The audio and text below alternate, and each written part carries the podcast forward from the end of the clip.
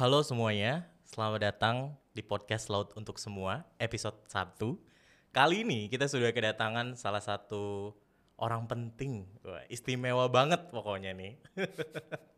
Namanya Budiman Goh. Wah, tapi beliau biasanya lebih seringnya dipanggil Pak Bud. Halo Pak Bud. Hai, halo, halo, halo. Kita mulai dengan satu pertanyaan yang sangat template di mana semua orang selalu menanyakan ini. Are you okay? I'm good, I'm good ya. Habis divaksin.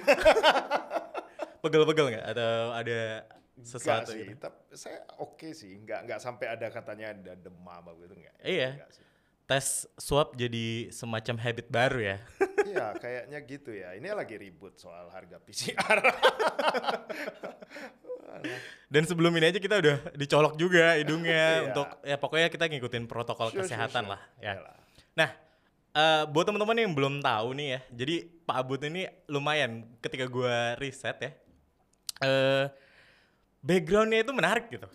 S1 IT di ITB, betul? Betul, S2-nya Industrial Engineering. betul. Habis itu kerja di big company jadi head of marketing. Iya.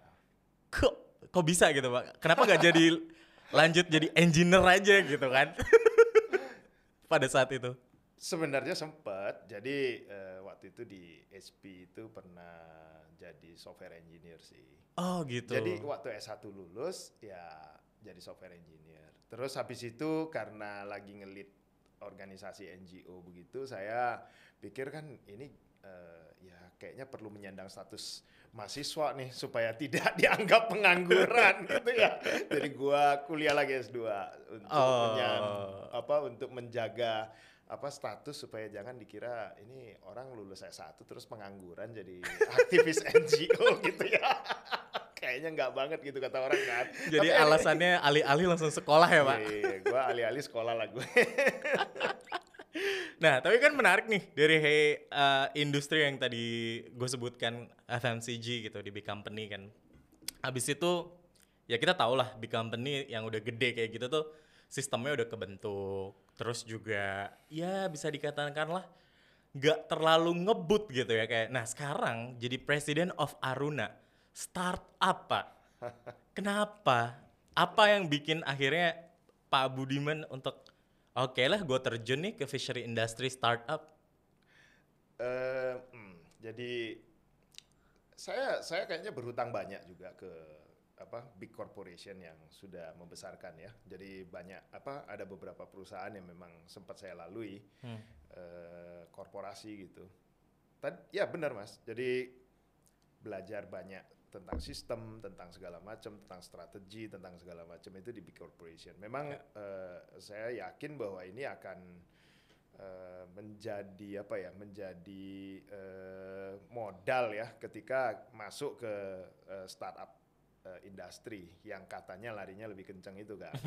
ya me- memang pada kenyataannya begitu gitu, startup itu larinya lebih kencang. Jadi eh, kalau saya selalu ber- melihat bahwa ini bisa dikolaborasi sih antara lari kenceng dengan eh, menerapkan sistem yang baik dengan strategi bedanya kan cuman yang ini speednya misalnya tiga tahunan ini jadi tiga bulanan kan gitu dong Iya benar. Dan lebih banyak evaluasi sistem Sure, sure. Gitu kan. Tapi, nah ini juga menarik nih. Awal mula ketemu founders Aruna itu gimana pak? wow that is like five years back from now ya. jadi kayak lima tahun lalu saya ketemu dengan Farid Daka Arun apa Uut gitu ya culun-culun kayaknya masih masih kuliah belum lulus belum lulus belum Jadi lulus. mentor berarti. Eh, iya ngobrol eh, ngobrol yang sangat in- apa ya intensif sekali eh, soal eh, laut ya. Saya saya terus terang hmm, kenapa dengan laut ini punya ketertarikan yang cukup dalam karena selain itu dikenalkan oleh salah satu apa namanya teman ya. Jadi eh, found- tiga founder bertemu saya itu karena dikenalkan. Eh, wow, we challenge a lot of things. Eh, menurut saya sih itu mind blowing banget ideationnya dan sebagainya. Ya kita saling challenge. Artinya saya juga men-challenge balik karena waktu itu eh, Mas Farid. Apa Mas- yang apa waktu pas interestingnya itu satu poin yang bikin kayak oh menarik banget nih. saya kira yang yang Mas Farid sering tampilkan di slide eh, ada Alibaba, ada Agoda, ada apa, eh, ada Aruna. That is the most interesting things yang kita ngomong. Artinya waktu kita bahas itu, itu kayak kita orang kayak lagi mabok aja gitu ya. Lu ngomong gede-gede amat, emang modal lu apa sih gitu ya. Tapi ya gila aja lu berani aja gitu. Gue cuma ngomong kalau kalau kita apa ya mau bicara soal laut, udahlah kita bolak-balik eh, ngomongin soal negara maritim. Apalagi saya suka sejarah gitu ya. Yes. Belajar soal Sriwijaya Majapahit eh, long ago sampai saya nguliknya itu udah sampai dalam banget soal bagaimana kita jadi negara bahari dan lain-lain gitu ya. Dan eh, apakah kemudian kita mau jadi negara besar di di laut, marin kam- apa eh, di sektor maritim gitu ya itu karena kita butuh apa oh, kapal perang yang banyak dan sebagainya. Saya pikir oke lah, there- maybe you need that one kalau ngadepin ancaman dan sebagainya. Tapi eh, untuk menjadi apa ya sesuatu yang besar di bidang maritim dan perikanan dan kelautan itu, menurut saya di zaman sekarang itu udah nggak nggak gitu lagi gitu. Iya. So two third of Indonesia itu kan air dan laut ya. Yes, Jadi dua betul. per tiga gitu loh. Dan Kepulauan. Betul. Jadi coastal line kita nomor dua setelah Kanada. Tapi kalau dari sisi biodiversity yang ada di dalam lautnya, kita bilang, wah saya bilang itu mengerikan. Kita ini karena banyak pulau, banyak itu, jadi ya bayangkan yang kemarin sempat kas- lobster itu jadi semua apa kayak kayak nemukan apa ya berlian di dalam Iya. laut begitu. kan. Orang-orang jadinya melek, oh bahwa potensi besarnya itu emang dari maritim so, gitu. so dua per tiga kita itu hidup dari laut, tapi kenapa kok kita nggak bisa uh, survive atau kita bukan jadi apa ya negara yang bergantung kepada laut itu? Itu Hmm. yang sebenarnya big question mark sih. Ya. Eh, apa yang terjadi gitu kita ya, so uh, abis itu kita explore begitu banyak hal gitu ya wow itu menarik banget kalau lu cuma ngomongin ya mau jadi satu apa small entity di di tengah-tengah apa namanya startup dan lain-lain I think kurang seksi kurang menantang dan saya selalu bilang kalau kamu punya mimpi, mimpimu nggak membuat kamu takut gitu ya, nggak Hmm. membuat kamu scared enough for your with with your dream gitu ya. Wow, yo berarti mimpi lu itu nggak gede banget Yeah, gitu. Kurang gede. your dreams ya. Iya, mesti punya mimpi gede. Lah saya kan nggak tahu kalau Mbak Uut apa Mas Daka sama Mas Farid itu kemudian jadi malah ikut-ikutan gila seperti saya gitu kan. So I don't know. Saya menularkan kegilaan saya kepada mereka gitu ya. Tapi ya we we have been uh, apa namanya uh, doing the process ya dalam waktu lima tahun and here kita punya Aruna sekarang kan dengan dengan apa namanya begitu banyak hal yang harus kita kerjakan di ke depannya gitu. Oke.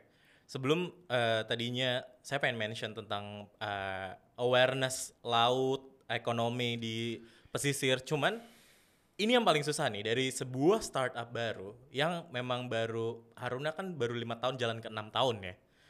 Nah untuk mengenalkan orang lain nih yang yang awam nih nggak tahu nih apa nih Haruna.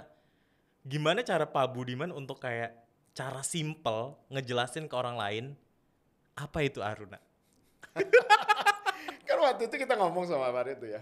Eh eh, Pak Bud ini apa namanya namanya apa ya?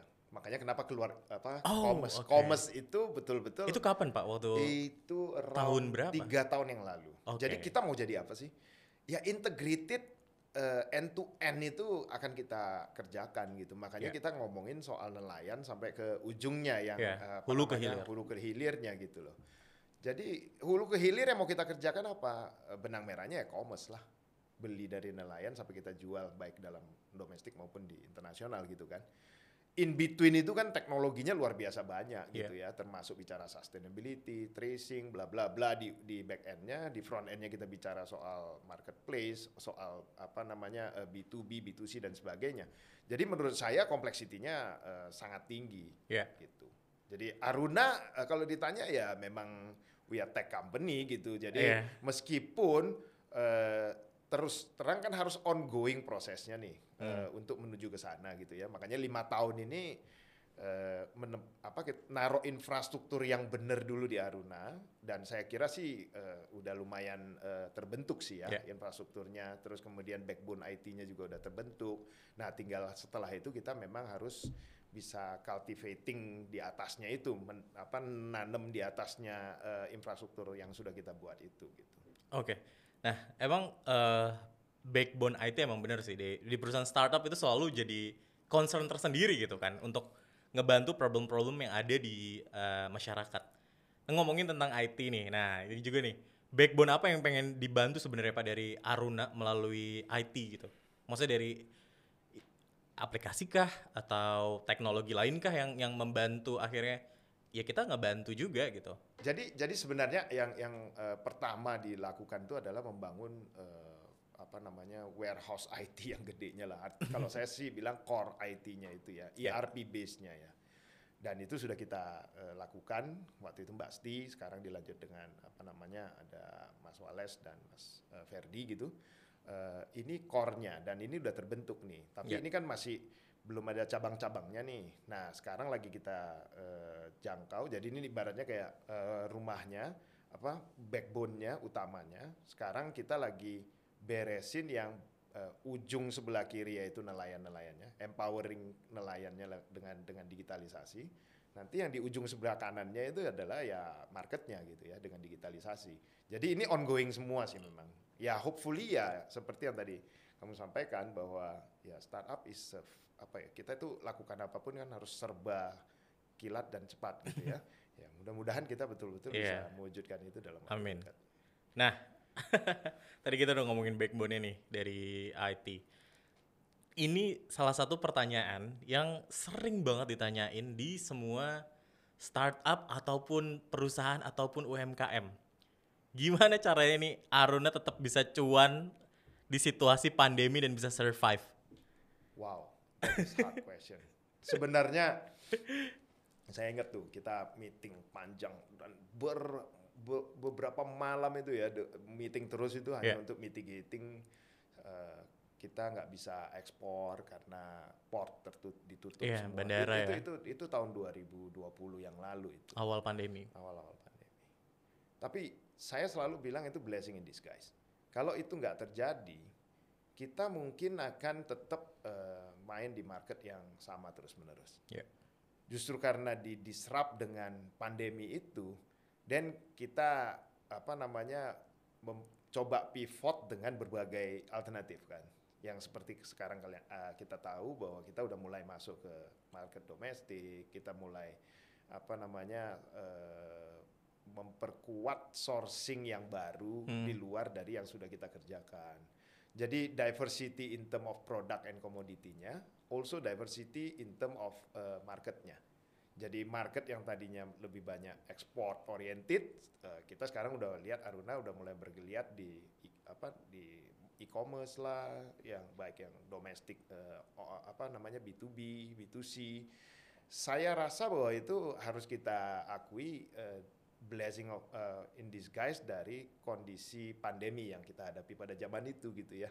Ya sekarang berketerusan. So I mean Ya, yeah, that is the beauty of startup. You cannot make it like in the corporate gitu ya. Uh, bisa cepet banget melakukan itu. Tapi kalau startup ya itu within days kita then we have to switch, we have to do the pivot dan kita bisa eksekusi itu dalam waktu yang begitu cepat.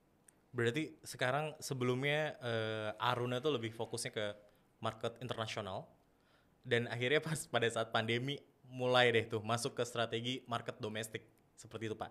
Nah cuman ini juga lumayan big question mark ya di otak otak saya gitu. Nah, sedangkan masyarakat Indonesia tuh ya, kal lebih sering tuh makan kita bisa bilang lah, kita kita iya. pungkiri lah. Dalam seminggu teman-teman pasti makan lebih sering di meja makannya ayam. Okay. Bener gak sih? Yeah, yeah, Tempe kayak gitu-gitu lah. Itu itu sering banget gitu. Nah, gimana caranya Aruna bisa ngasih awareness supaya sering konsumsi ikan dan bahwa ini tuh jadi sebuah habit baru gitu.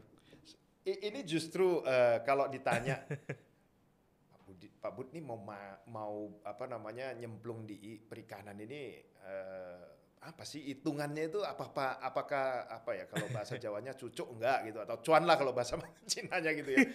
Uh, cuan apa enggak sih sebenarnya nyemplung di situ? Saya saya masuk kepada tahapan yang sangat serius di urusan ini. Ketika waktu Aruna itu first launching uh, pendanaan awal tuh ya. Yeah. Uh, itu ada ibu apa saya lupa, ibu Nimi atau ibu apa dari masyarakat perikanan Nus Nusantara kalau nggak salah gitu ya. Saya saya lupa lah uh, detailnya, tapi dia mengutam, mengutarakan bahwa uh, konsumsi ikan kita itu uh, jauh di bawah negara-negara betul. lain, ya kan? Nggak usah jauh-jauh dengan tetangga kita Singapura aja kita di bawahnya gitu ya. While sebenarnya kalau kita mau jujur bahwa eh, protein itu ya tertinggi itu ya adanya di ikan gitu ya. Nah, semua hasil bahkan bahkan eh, kalau saya udah sekarang nyelem seperti ini kan udah lama saya ngulik semua itu saya bilang the future apa namanya superfood itu justru malah ada dari laut gitu. Superfood itu kayak mikroalge dan ah, dan lain-lain Iya, gitu betul. ya. Gila kan saya bilang eh, negara dengan dua per tiga air eh, laut gitu ya dan konsumsi ikan di bawah rata-rata negara lain. Gak usah ngomong Jepang yang sudah Iya, pasti iya, begitu. Ini mau jadi apa gitu kan? Eh, dan kita lihat bahwa salah satu yang bisa bikin IQ naik tinggi itu kan protein tuh. Hmm. Sampai saya bilang bahwa sebenarnya kita harus bersama-sama eh, mengusung revolusi protein dengan ikan, dengan makan ikan. Justru ini bukan PR-nya Aruna sendiri ya. Bukan, harus bersama-sama pemerintah dan eh, semua startup atau semua orang yang eh, memang bergerak di bidang perikanan ini meningkatkan konsumsi per kapita kita di ikan itu akan trickle down efeknya banyak banget. Jadi misal nih ya eh, kesejahteraan nelayan kita akan tumbuh. Iya. Karena bayangkan kalau konsumsi kita bisa naik aja sekian persen gitu ya. Itu kan langsung nyundul tuh. Hmm. Nah kalau kalau sekarang kan jelas-jelas ya nangkep kalau ada pasar ekspor atau ya cuma memenuhi memenuhi konsumsi domestik yang kecil gitu ya. Iya. Jadi eh, ini ini PR yang menurut saya justru eh, very beginning karena yang paling awal tuh harus di sini. Men- bagaimana eh, kita bicara soal sustainability eh, issue yang begitu jauh kalau kalau saya mengatakan begini sama Mbak Ut kemarin itu waktu kita diskusi, Ut kita mikirnya begini loh, ngomongin sustainability eh, itu memang dalam roadmap kita kan pasti ada, tapi gimana orang diajak ngomong sustainability while perutnya masih kosong, nelayan itu komunitas-komunitas yang di pesisir itu kalau income per kapitanya masih rendah gitu ya, gimana kita bisa mengencourage mereka untuk ngerti tok soal sustainability Betul. memahami itu. Bagaimana kita bisa mendorong supaya anaknya harus lulus SMA atau kuliah kalau perlu education level di di pesisir itu komunitasnya naik. Kalau dia masih urusin perut dan dia harus panggil anaknya yang sudah akil balik itu harus ikut melaut misalnya begitu ya. So there's a lot of things saya bilang ini PR utama. Nah, termasuk related tuh tadi itu kan eh, revolusi protein tadi. Kalau konsumsi perikanan kita naik, sebenarnya kan kesejahteraan itu akan muncul dengan sendirinya gitu ya. So ini ini kayak eh, apa ya bola yang berputar. Nah, kehadiran Aruna menurut saya itu adalah bagian terpenting dari upaya ini. Jadi kita ngurusin revolusi protein itu harus ada edukasi ya termasuk melalui podcast-podcast seperti ini kita harus mengedukasi masyarakat. Hey, come on, makan ikan tuh proteinnya tinggi. Bukan cuma itu. Kalau kalian apa namanya tahu pelagis, pelagis itu kan kaya dengan apa namanya kolagen dan Iya. lain-lain. Untuk awet muda dan sebagainya untuk Omega kulit 3. lebih baik ya om- omega dan sebagai omega 3 dan sebagainya itu menurut saya nutrisinya kan luar biasa Betul. gitu ya nah ngapain nyari yang jauh-jauh gitu Orang itu di depan mata bayangkan saya tuh dulu waktu ketemu dengan Mas Warid CS itu saya bilang saya belum pernah eh, baca di koran headline harga ikan melonjak. Sehingga seluruh headline berita di sih. koran-koran gede itu nulisin Bener soal ikan harganya mahal dari 35.000 menjadi 100.000 misalnya ya. Tapi begitu harga daging melonjak, semua koran headline. So, mau ngomong apa soal dua Jangan kan daging pak, telur, cabe. That's why. So I mean, gimana sih dua per tiga negara ini kan ada di lau- laut gitu ya dan eh, kalau mau bicara soal apa namanya memperka membuat negara ini makmur maju ya lu utilize that eh, apa dua per tiga lahan yang ada yang laut itu kan Ya. dengan segala komoditi dan biota laut yang ada di dalamnya. Eh, nggak pernah ada di berita. Saya bilang, waduh, ini kan kayak jauh panggang dari api ya. Kita mau ngomong soal apa namanya negara maritim, negara kelautan, tak tapi kok nggak pernah terwujud apa di apa ya apakah negara ini berpikir bahwa negara maritim kelautan itu eh, memperbanyak armada perang dari kapal selam sampai dan sebenarnya bukan kapal selam yang di Palembang itu ya, tapi apa itu gitu ya. Padahal kan yang benar itu adalah Aruna itu ngelihat ini source. Tapi masa Aruna main di kapal-kapal perang lagi kan enggak gitu kan. So anak sebagai anak muda saya pikir ya mereka nelayan komun apa nelayan-nelayan eh, komoditi-komoditi laut ini harus didigitalisasi. Dan ini sekarang eranya digitalisasi. Gimana membawa kekayaan laut kita tentu dengan menjaga sustainability-nya dia di dalamnya ya mau pakai aquaculture, penangkapan yang yang baik yang tidak merusak alam dan sebagainya tentu tetap itu harus dijaga. Tapi bagaimana mendigitalisasi ini sehingga seluruh dunia bisa menikmati kekayaan laut dari Indonesia, yet tetap kita menjaga biodiversity-nya, sustainability-nya dan sebagainya. Oke. Sempat mention nih tadi kan tentang sustainable issue. Kayaknya dari semua hal, mau itu daging, mau itu tumbuhan, pasti ini semacam jadi isu besar nih, Pak. Betul.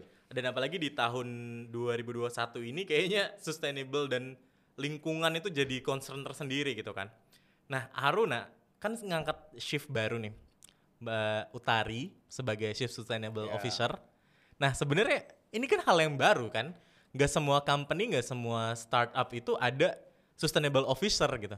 Kenapa sih kok harus di set up ada Ya. sustainable officer ini? Ini betul-betul gini ya. Ini ini ini eh, eh, bukan cuman sekedar mengada-ngada lah ada CS. Bukan branding Bukan doang. branding doang. Sangat serius. Kalau nanti ada kesempatan untuk berpodcast Ria dengan Mbak Uut, Mbak Uut bisa ceritakan the real roadmap dari eh, sustainability yang diusung oleh Aruna itu. Itu memang kalau buat saya itu mind blowing karena kita nggak mengadopsi apa yang dipikirkan oleh eh, orang-orang di luar sana gitu ya. Karena kan kita tahu lah bagaimana eh, perang tentang sawit tentang ini. Itu sebenarnya kan point of view yang beda dari negara Yeah. barat dan sebagainya. Kemudian kita jawab dengan nikelnya juga. Itu itu itu sebenarnya eh, apa ya part of eh, negotiation soal sustainability semua orang lihat sustainability itu dengan kacamata yang berbeda-beda Betul. Nah, kalau kita put the standard yang dari Eropa dan lain-lain, tiba-tiba langsung de- di Indonesia gitu ya, eh, saya lihat akan apa namanya, kalau nggak ada eh, bridgingnya gitu menuju ke sana, itu pasti akan shock. Karena wah semua harus standarnya di sana. Di, di saya dulu juga sempat eh, apa namanya ikutin eh, per- perdebatan panjang IEEE itu standar di Eropa dengan ICE dan sebagainya itu itu kan semua negara termasuk ya kenapa Betul. kok ada ISO di sini dan ini di sini ada BRC dan sebagainya itu kan semua semua apa ya grup itu pengen memaksakan eh, standarisasi soal sustainability dan kita memang buy the idea of sustainability but kita terjemahkannya harus dengan Indonesia banget dong Ya, kan benar. kita ini punya indigenous uh, heritage yang berbeda gitu ya. Man, tapi harus bisa disamakan ya nggak bisa. Kita ini betul-betul negara kepulauan loh. 17 ribu tenggelam naik turun gitu ya kadang-kadang sekian belas karena itu kan nggak bisa disamakan dengan negara yang landnya gede jeblek gitu aja gitu ya Iya. dan bicara soal sustainability gitu ini gimana bicara soal, soal sustainability kalau kita punya masyarakat pesisir itu begitu banyak bahkan buang sampah di laut, di pantai dan sebagainya, itu perlu diedukasi gitu. Kita bicara sustainability yang jauh, yang di depan mata ini pelan-pelan harus diberesin, tapi dengan apa namanya massive approach gitu ya, dengan adanya Aruna, kita berharap bahwa ini kita bisa tuangkan dalam satu peta besar. Nanti kita ngajak semua pihak untuk sama-sama dong, yuk kita bicara dan eh, apa implementasikan isu sustainability ini. Benar sih. Iya kan? Nah, Iya. awalnya tadi saya udah utarakan bahwa eh, upgrading kesejahteraan masyarakat nelayan itu adalah isu terbesar.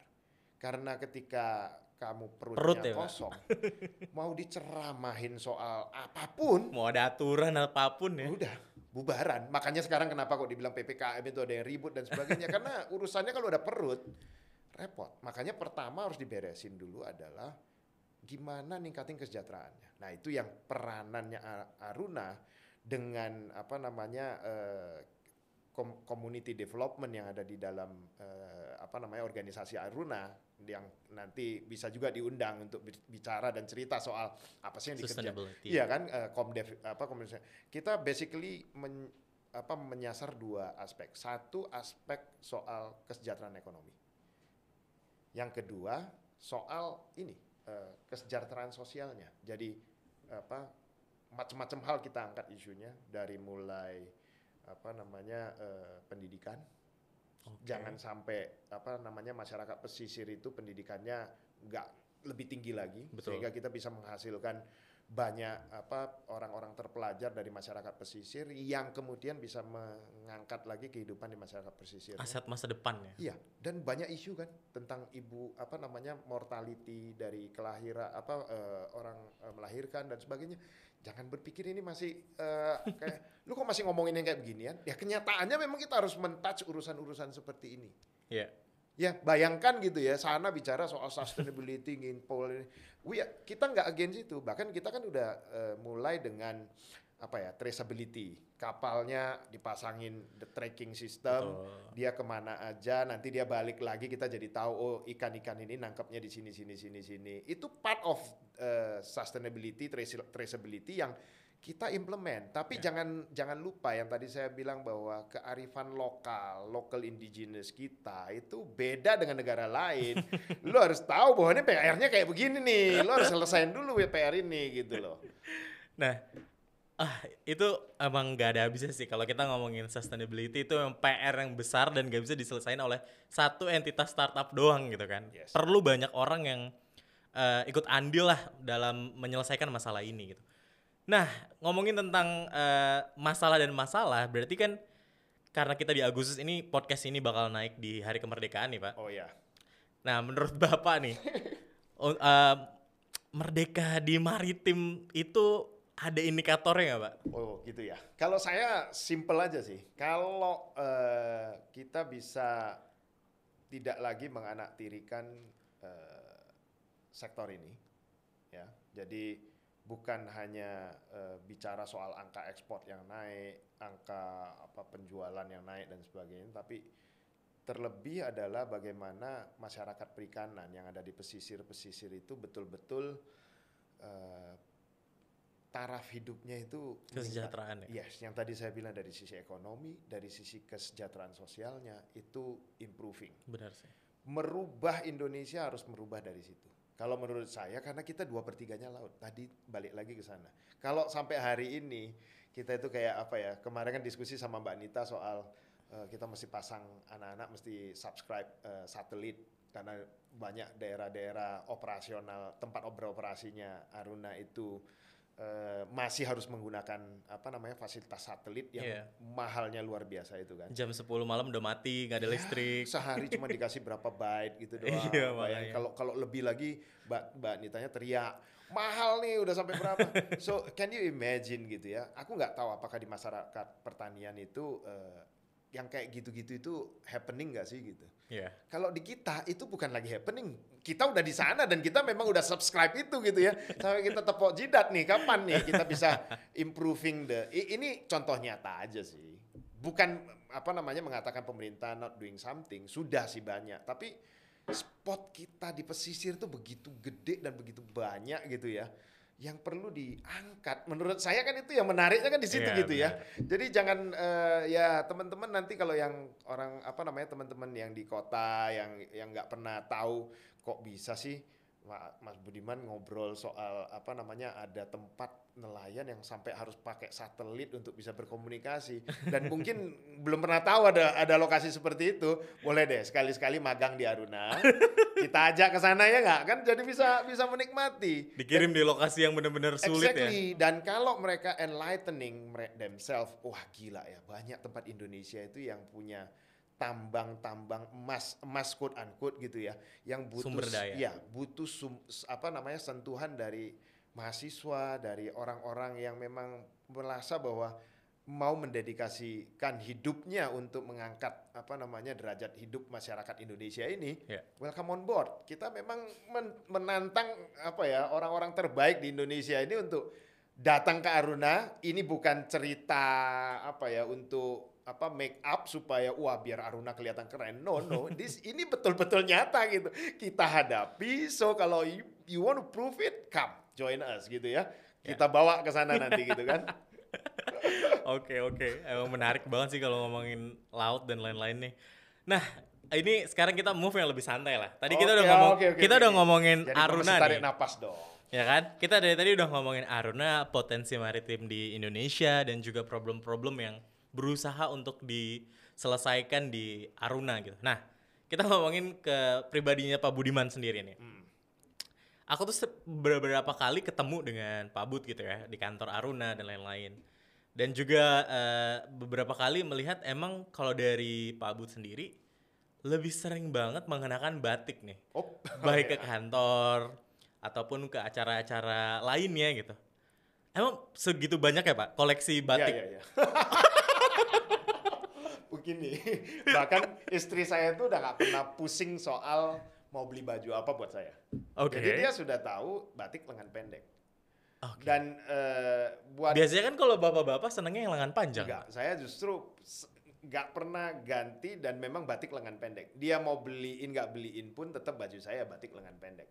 Mau di occasion apa pun biasanya saya saya milih itu karena gampang. Saya kan pernah lihat videonya siapa eh, Zuckerberg yang pakai Abu-abu. eh, iya kan. Baju kaos gitu ya. Waktu ditanya "Ngap- kenapa sih lu kok kaosnya itu melulu lu nggak pernah ganti ya? Enggak, selosin ada di rumah gitu kan.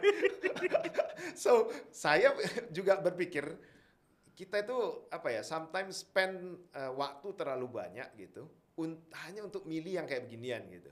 Iya. Why not make it simple gitu ya? Jadi gua mau ke mana pun ya ya sudah saut aja satu batik terus klek selesai sudah urusannya gitu kan. ya, celana gampang mau jeans mau apa gampang kan kalau baju mah anytime. Nyita waktu justru ya Pak malah Yes, ya. yes. Oke. Kejawab sudah berarti. Kan gini ya, lo abis itu, eh, abis abis kerja misalnya kita Iya. di kantor terus, oh tiba-tiba ada undangan dari ini, atau ada rapat di mana, atau mau kawinan, mau apa gitu ya, gue mah nggak susah-susah ya, udah jalan aja gitu. Ada ini nggak Pak kayak batik eh, favorit atau motif favorit gitu mungkin? Enggak, apa emang ya udah basically Ya. I like batik aja udah. ya basically I like batik dan saya nggak pernah beli sendiri, jadi itu urusannya istri saya. Emang sesederhana itu ya? Nggak Iya, nggak iya. nggak filosofi kayak oh ini kita dari mana emang? Enggak, enggak. tapi ya saya pilih batik karena satu soal keindonesiaan tadi kan. Yes. Jadi buat saya, eh, saya punya teman satu yang memang spesial banget ngidupin batik-batik yang ada di berbagai eh, kota gitu ya. Karena dia bilang, what you, apa yang mempersatukan Indonesia itu adalah ya eh, kewarisan warisan budaya lokal ini. Ya. Eh, dan saya percaya in the long run, ini buat teman-teman semua ya. Kalau kemajuan eh, teknologi ini demikian cepatnya sehingga kita udah percaya bahwa memang eh, borderless nation, nation ya. Jadi kayak tiap negara itu udah nggak ada lagi batasnya dengan negara yang lain gitu. Karena semua lifestyle itu kan begitu cepat pulang pergi pulang pergi ada K-pop ada segala macam itu kan. Dan apa yang bikin kita masih tetap bisa jadi satu Indonesia gitu adalah ketika kita masih menjaga warisan-warisan budaya, filsafat, karifan lokal, wisdom-wisdom yang ada di tiap-tiap daerah yang unik-unik itu, itulah yang merupakan apa ya eh, kekayaan yang tidak bisa direplicate. Ya ja- jadi eh, saya akan sangat apa ya eh, saya pernah diskusi dengan teman-teman yang di Bangka yang bilang bahwa bos tahu nggak ekspor Bangka sekarang terbesar itu dari Vietnam. Dulu itu kan dari Bangka, lada Bangka itu kan terkenal banget. Kalau kita nggak mencintai apa yang kita punya, malah kita lebih mengidolakan apa yang ada di luar. Mau jadi negara model apa nanti besok? ini? ini ini a very big question loh. Kita kalau kita nggak mau ya tadi satu lada, nanti ada vanila dan sebagainya. Kita punya begitu banyak warisan-warisan lokal, termasuk ya laut ini warisan budaya yang apa namanya kalau saya dulu pernah ke Afrika itu di eh, Johannesburg, Cape Town itu banyak sekali orang-orang katanya dia nenek moyangnya itu orang-orang Makassar, Bugis dan wow. sebagainya di situ kan. Dan itu karena ke jagonya kita bisa melaut sampai ke sana sini Iya. itu. Belum lagi kita cerita soal armadanya Belum ada GPS. dan lain-lain, betul. So kita besar gitu ya, tapi kita nggak pernah menyadari kita punya begitu banyak warisan yang besar tadi itu. Malah kita mengidolakan yang dari luar sana gitu ya. Iya. Saya saya saya senang sekali dengan semua eh, apa namanya startup-startup baru. Sampai suatu ketika saya pernah ditanya, Pak Budiman mengcopy startup ide-ide startup dari apa US dari mana-mana gitu ya. Saya bilang sebenarnya gini, basic knowledge-nya itu semua memang ya namanya negara mana yang paling maju dan apa kita harus pelajari. Tapi whatever the startup yang lahir di Indonesia, saya encourage teman-teman eh, yang ada yang bikin startup di Indonesia nih ya, find opportunity-nya eh, apa berlian-berlian yang bisa kamu gali di negara kita dong. Itu yang Begitu akhirnya banyak. juga bikin Pak Budiman untuk jadi mentor di salah satu tempat itu. Iya, iya betul. Dan itu jadi, jadi waktu bicara soal laut yang kayak gini-gini, saya bilang armada laut itu mesti ada apa namanya mus- untuk jadi negara maritim kita harus punya armada perang di laut yang gede. Saya bilang enggak. Sekarang kamu harus butuh satelit yang murah, yang bisa nge-scan semua kapal yang pakai AIS atau tidak eh, itu so- apa sonarnya itu ya apa namanya eh, eh, it- atau tidak lu bisa tahu. Itu caranya gimana? Ya lu mesti bikin satelit. Lu sekarang nggak ada ya Indonesia. Nggak ada. Kita semuanya beli sana. Dan saya set up dengan teman-teman eh, Star and Sat untuk mewujudkan itu. Hmm. so kalau kita semua mikirnya kayak gitu Indonesia nggak kekurangan orang-orang yang Iya, bagus untuk betul. melakukan itu kan. So yang penting bukan mengcopy paste. Saya bilang teknologi wise kita belajar dari mana pun. Tapi when you implement it in Indonesia, there's a lot of diamond di Indonesia yang bisa kita gali dan kita bisa jadi nomor satu di dunia. Kita berharap Aruna ada akan jadi panglimanya di depan untuk meng, apa ya mencerahkan atau me, mengencourage teman-teman yang Membuka lain. mata lah ya. Yes, yes we can. Kita bisa jadi juara dunianya. Nggak cuman juara Indonesia saja. Kita harus bisa melakukan itu. Back again balik lagi ke eh, aku pengen nanya tentang eh, Pak Budiman ini kan dari pertama lulus kuliah sampai pokoknya dia kerja di profesional itu kurang lebih udah 23 tahun tadi kan kita sempat 23 tahun lebih. Gaya leadership Pak Bud seperti apa sih? Galak kah? Santai? Atau gimana? Saya saya ngembangin sendiri yang namanya apa bukan sendiri sih. Saya ngembangin yang namanya mindful leadership. Ya. Jadi ini eh, ya bukan baru tapi ini memang kurang populer aja di belum populer gitu ya. Tapi buat saya eh, ini ini ya karena saya juga seneng apa ya mungkin karena cara-cara orang kuno kali ya. Saya ini orangnya kelihatan apa ya ngomongin teknologi ngomongin ini tapi saya ini sebenarnya apa eh, jiwanya tua bener gitu ya. Mungkin orang udah nggak dengerin dandang gulo mau copat apa segala macam. Eh, saya masih gitu ya. Terus orang kalau tanya, loh Pak Bud tuh apa dulu waktu kecil didongengin sama enggak? Saya orangnya, saya lahirnya di Medan gimana mau dengerinnya kayak begituan gitu. ya. So very diverse kan. Jadi apa ya?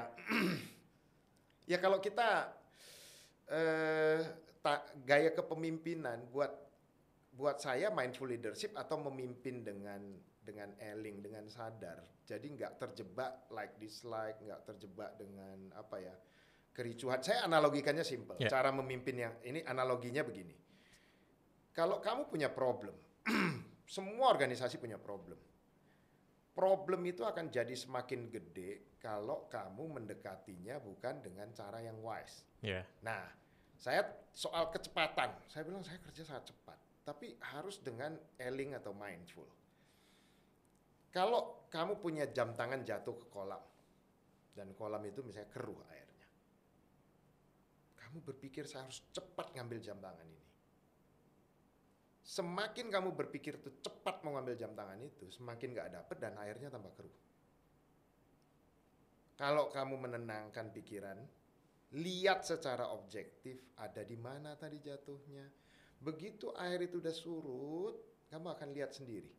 Oh, jam tangannya ada di situ. Ketika air itu keruh, tangan kita masuk ke sana, bisa ada ular, bisa ada beling, ada segala macam, ada bisa aja terluka. So, mindful leadership itu basically seperti tadi itu. Gimana kita menjadi objektif? Gimana kita nggak jadi ngegosipin ini dan kiri? Gimana jadi pointing finger ke orang lain dan sebagainya? Karena kita nggak nggak memiliki kemampuan untuk objektif tadi itu. So, kalau saya masih biasa puasa, orang ya mungkin kalau lagi bulan puasa orang semua puasa. Kalau saya ya anytime uh, uh, bisa melakukan itu gitu ya. Itu ya untuk supaya di dalam diri kita itu punya stopping power, stop untuk ngegosipin orang, stop untuk nyela orang, stop untuk bikin suasana keruh. Problem taruh di atas meja, kita solve bersama. That is mindful leadership. Bukan pointing finger gara-gara dia makanya kayak begini. Ya, kalian sering denger lah satu persoalan itu dibawa sampai ke belakang-belakang dengan wah udah bunganya terlalu banyak gitu kan. so uh, di saya leadership yang saya sampaikan tadi itu ya memang itu eh, nggak uh, nggak sangat populer di kita karena biasanya pakai apa Maxwell lah pakai apa macam-macam lah ya dan gitu ya, itu juga leadership dan itu juga yang dipakai uh, Pak Budiman untuk mengambil keputusan besar di exactly. yang sulit di dalam bisnis juga ya. Itu betul. Jadi saya pernah ngasih tahu kenapa kok Pak Pak Bud ngambilnya uh, apa uh, mindful leadership? Itu cuma nama kerennya dengan bahasa Inggris saja sebenarnya saya tuh mau ngomong memimpin dengan eling cuman kan nggak semua orang tahu eling gitu ya. Karena eling itu mahal. Mahalnya adalah karena kita harus selalu sadar. Nggak boleh ter apa ya uh, ya terbawa uh, arus dan suasana gitu. Harus selalu sadar. Ketika kita sadar kita bisa uh, memutuskan sesuatu itu dengan lebih objektif tidak merugikan orang lain, tidak merugikan semua apa semaksimal mungkin kita bisa mengerti persoalan ini dengan apa ya dengan transparan, baru kita ngambil kesimpulan. Berarti Pak Bud juga meditasi? Ya. Oke. Okay. Dalam satu minggu atau kayak emang setiap hari dilakuin? Ah, sudah agak susah karena kalau ini kan agak sensitif karena kadang-kadang yeah. orang berpikir ini pasti ada hubungannya dengan religion apa religion dan lain-lain. saya saya paling nggak nggak suka apa namanya terjebak dengan omongan itu. Tapi eh, kalau pakai cara Jawa, cara lama lah ya, cara kuno, puasa, muti, Senin Kemis atau ngerowot atau apa pun itu sebenarnya itu adalah uh, itu yang saya sebut memimpin dengan Elling itu atau mindful leadership itu bedanya dengan leadership modelnya Ken Blanchard, Maxwell dan lain-lain itu apa sih? Uh, buat saya ya karena memimpin orang Indonesia kepemimpinan ala orang Indonesia itu diajarin caranya untuk improving your leadership. Kalau yang itu kan dipotret. Iya. Yeah. Dipotret terus dikasih tahu terus dikasih apa namanya simulation work, workshop dan sebagainya kalau cara Indonesia itu memang continuous dan sustain. Selama kita praktekkan itu terus, kita akan punya wisdom. Kita punya, kalau kalian bawa mobil, ada gas, ada remnya. Kalau kita nggak pernah nge, kalau apa ya melakukan laku gitu ya, laku itu punya apa namanya punya tekad untuk praktek gitu ya, ya. mempraktekkan yeah. laku tadi itu kita nggak punya stopping power. Ya, benar. Jadi sebenarnya ketika kita makan dengan serakah tanpa mikir orang lain dan sebagainya itu kan sebenarnya uh, ketika apa ya uh, itu akan terwujud dengan apa pun yang kamu kerjakan ya bakalan seperti itu. Kamu nggak peduli orang lain dan sebagainya. Tapi ketika kamu makan pun kamu mikir, oh ya, yang masuk ke mulut saya ini harus berguna untuk orang banyak dan seterusnya dan seterusnya. So kamu akan jadi wise banget ketika apa ya mau mengambil keputusan apa pun yang jelas keputusan itu tidak boleh merugikan orang lain. Ya, yeah, basically emang mindfulness di segala bidang aja yes. untuk dan, kita dan itu sudah nggak bisa. Betul. Jadi nggak ada ceritanya meditasi yang uh, sejam sehari atau sekian. uh, tapi bagaimana itu diimplementasi di dalam kehidupan sehari-hari. Gitu aja. Oke. Nah, ini nggak kerasa kita udah sejam. Oh, iya Cuman ada beberapa ya? questions terakhir nih Pak. Wah, apa tuh? Sebelum kita nanti ada tiga, tiga pertanyaan template untuk bintang tamu yang nantinya datang ke Laut untuk Semua. Aku pengen nanya dulu nih. Di Pak Bud nih, sebelum pensiun sama sesudah pensiun ada goals tersendiri gak sih? Biasanya kan kalau orang kayak kalau misalkan ah aku pengen di New Zealand untuk menikmati ini eh, hamparan padang di sana gitu. Nah kalau Pak Bud ada nggak sebelum pensiun apa goalsnya dan sesudah pensiun? Saya nggak pernah berpikir soal pensiun atau tidak pensiunnya. Oke. Jadi just going on like this and apa ya me- men- apa ya me- mencerahkan orang. Ya saya sendiri harus terus belajar dan saya nggak selalu yang apa ya ngajar gitu ya. Saya juga ngobrol dengan siapa pun justru saya malah belajar banyak hal gitu. So I will keep learning, I will keep teaching. Ya. Karena kalau cuma teaching tanpa learning kan ilmunya kosong tuh. Jadi harus dua-duanya dan kalau ditanya sampai kapan I never know when. Jadi terus saja tapi bukan dengan cara yang di kelas atau apa. Saya lebih sukanya ya ngobrol dan makin lama makin tahu ini bahan baku oh, ini bahan baku yang bagus nggak untuk bisa ngangkat beban yang 10 kali yang dia kerjakan sekarang. Makin lama makin tajam. Oh ini ada orang yang kayak begini. Ini ini oke. Ini ini bisa ke sini, ini bisa bisa ke situ. Gitu ya. Jadi eh, saya saya tugasnya tadi eh, selain apa dengan teman-teman Aruna kita membesarkan Aruna, ya saya senang untuk melihat banyak eh, anak-anak muda yang lebih yang baru-baru, yang yang fresh grade atau yang memang masih muda-muda itu karena saya dulu, zaman saya dulu saya nggak bisa melakukan itu. Ya. Informasinya terbatas ya Pak. Satu informasi terbatas, kedua kondisi saat itu apa yang bisa kamu lakukan? Bukan bukan soal apa namanya bahwa keluarga saya bukan keluarga konglomerat, bahkan even sangat-sangat apa ya eh, sederhana gitu ya. Eh, tapi memang ya pada saat itu nggak ada tuh yang namanya inovasi-inovasi bisa diciptakan kalau nggak lewat perusahaan-perusahaan besar gitu ya. Ya, so memang serba terbatas lah. Apalagi kalau zaman saya itu ya semua orang pengen jadi PNS kali ya. Ini malah Pak Bud malah terjun dari big company ke startup ya jadi jadi melawan arus ya. melawan arus ya. Gitu. Oke. Jadi nggak ada timeline untuk bawa pensiun mau menikmati ini. Saya menikmati apa yang saya kerjakan sekarang Oh, oke. lebih daripada orang lain. Jadi apa mau mau apa ya mau kayak berlibur ke Alaska apa nolah. Tapi saya pasti akan ada di eh, dan saya ber- berterima kasih karena eh, selama menjalani hidup sampai sejauh ini gitu ya. Walaupun saya nggak pernah mimpin akan ke mana gitu ya. Hmm. Tapi banyak tempat yang sudah saya jalanin. Kalau Indonesia sih udah nggak usah tanya Oke, ya. nah ngomong-ngomong tentang itu, kita lari langsung ke tiga pertanyaan eh, yang bakal akan kita tanyakan terus ke bintang tamu yang nantinya akan kita undang nih. Yang pertama kita ngomongin tadi traveling.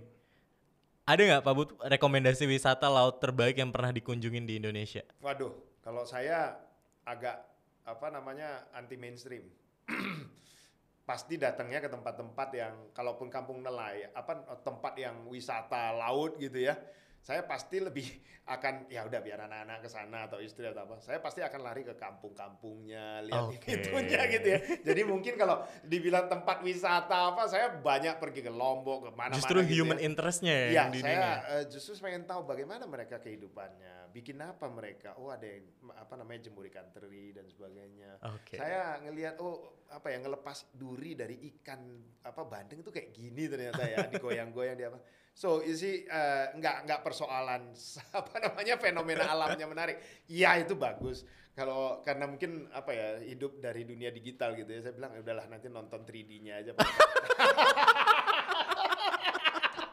Banyak orang yang ngevlog ya Pak ya? Iya kan gua bilang yang lu nggak bisa itu adalah kalau lu ke lamp, ke kampungnya, ke tam, ke apa ya ke ke komunitinya itu lu nggak bakalan per, ke, ke sana kan. Kalau yang soal itunya mah lu lihat aja di 3D. Oke, pertanyaan nomor dua nih. Kita bahas tentang food atau makanan. Makanan seafood favorit Wow. versi Pak Bud. This is very interesting. Nanti kalau saya apa namanya di Semarang sama teman-teman tuh bikin resto lobster karena Ya. eh, namanya af- after break ya. Itu eh, untuk apa sih? Sebenarnya kita pengen ini lobster kenapa pada dikirimin keluar? Orang Indonesia mau makan lobster aja kayaknya udah kayak barang mewah banget sih. Betul. So saya bilang, dah kita bikin. Harus orang Indonesia makan lobster. Orang hidupnya di Indonesia, kenapa lu malah diekspor semua ke mana-mana sih? Betul, karena Indonesia itu betul-betul surganya lobster kan. Ya. Kita juga Aruna ngirim lobster gitu kan. Tapi kenapa gue mau makan lobster aja kok kayaknya barang mewah banget? Kenapa nggak seafood di pinggir jalan itu yang pakai tenda itu jual lobster gitu ya? Iya. So ini saya bilang wah ini. Tapi terus terang kalau kalau tanya bahwa ini makanan seafood yang paling apa ya favorit apa ya? Sampai hari ini kalau saya ditanya ikan dan lain-lain saya bilang nggak ada satupun yang melebihi memori saya ketika saya masih kecil. Saya taunya di sini itu nama ikannya itu ikan parang. Ikan parang. Namanya ikan parang. Itu ikan bukan soal favoritnya, tapi the story behind. Ibu saya itu kan ya namanya keluarga middle low gitu ya, kerja terus sama bapak saya kan. Anak ini masih kecil-kecil, saya bertiga dengan saudara-saudara saya. Kalau ngurusin anak kecil itu kan susah kan, Hmm. mau kerja, mau senjata pamungkasnya dia adalah beli ikan parang, dipotong-potong, digoreng, dipotong, dan itu ikan super duper enak, super duper banyak durinya. Jadi kita satu anak kecil itu kalau mau makanin itu, itu dua jam nggak habis-habis karena ngeluarin durinya kan. Dan dia udah nyelesain pekerjaannya dia gitu. So that is my mom gitu ya. So kalau lu tanya gue ikan yang paling memorable gitu ya, this is the best. Pinter ya, strategik banget ya mikirnya ya. dikasih kecap gitu ya kita itu bertiga itu bisa ngulik urusan itu dua jam gitu kakak adik gitu kan dan dia kerja gitu dengan santainya dan karena kita nggak bakalan lepas karena ikan ini enak banget gitu tapi bayangin durinya gitu kan sampai hari ini saya kira eh, itu still favorit lah ya Oke. karena image tadi itu gitu Oke, next questions nih. Last ini bakal jadi last questions. Em, ya ini harapan untuk laut Indonesia apa nih Pak? Mungkin tadi sempat dimention tapi boleh dijelaskan lagi nih harapan untuk laut Indonesia. Wow. Saya nggak mau nunggu lama-lama bahwa kita itu betul-betul bisa mewujudkan bahwa mimpi dari leluhur-leluhur kita sebagai negara bahari itu nggak cuma sekedar mimpi. Dan ini zaman digital. Kalau kemarin dulu saya nggak berani mimpi seperti ini. Tapi sekarang kita berani bermimpi bahwa kita bisa membawa kehebatan laut Indonesia itu menjadi mendunia. Dan orang-orang dunia harus tahu bahwa yes, kita ini negara maritim. Ya. Kita ini negara kelautan bukan karena angkatan perang kita, tapi karena biodiversity kita. Bagaimana kita ngelola laut kita dengan baik dan kita bisa menjadi pemain nomor satu di dunia di bidang kelautan ini. Wow. Thank you banget Pak Budiman. Ini benar-benar menginspirasi banget teman-teman. Semoga eh, tadi obrolan kita selama kurang lebih sejam ya eh, bisa teman-teman ambil manfaatnya dan bisa diimplementasikan ke dalam kehidupannya sehari-hari. Sekali lagi thank you banget Pak Bud. Sampai berjumpa di episode berikutnya teman-teman. Bye.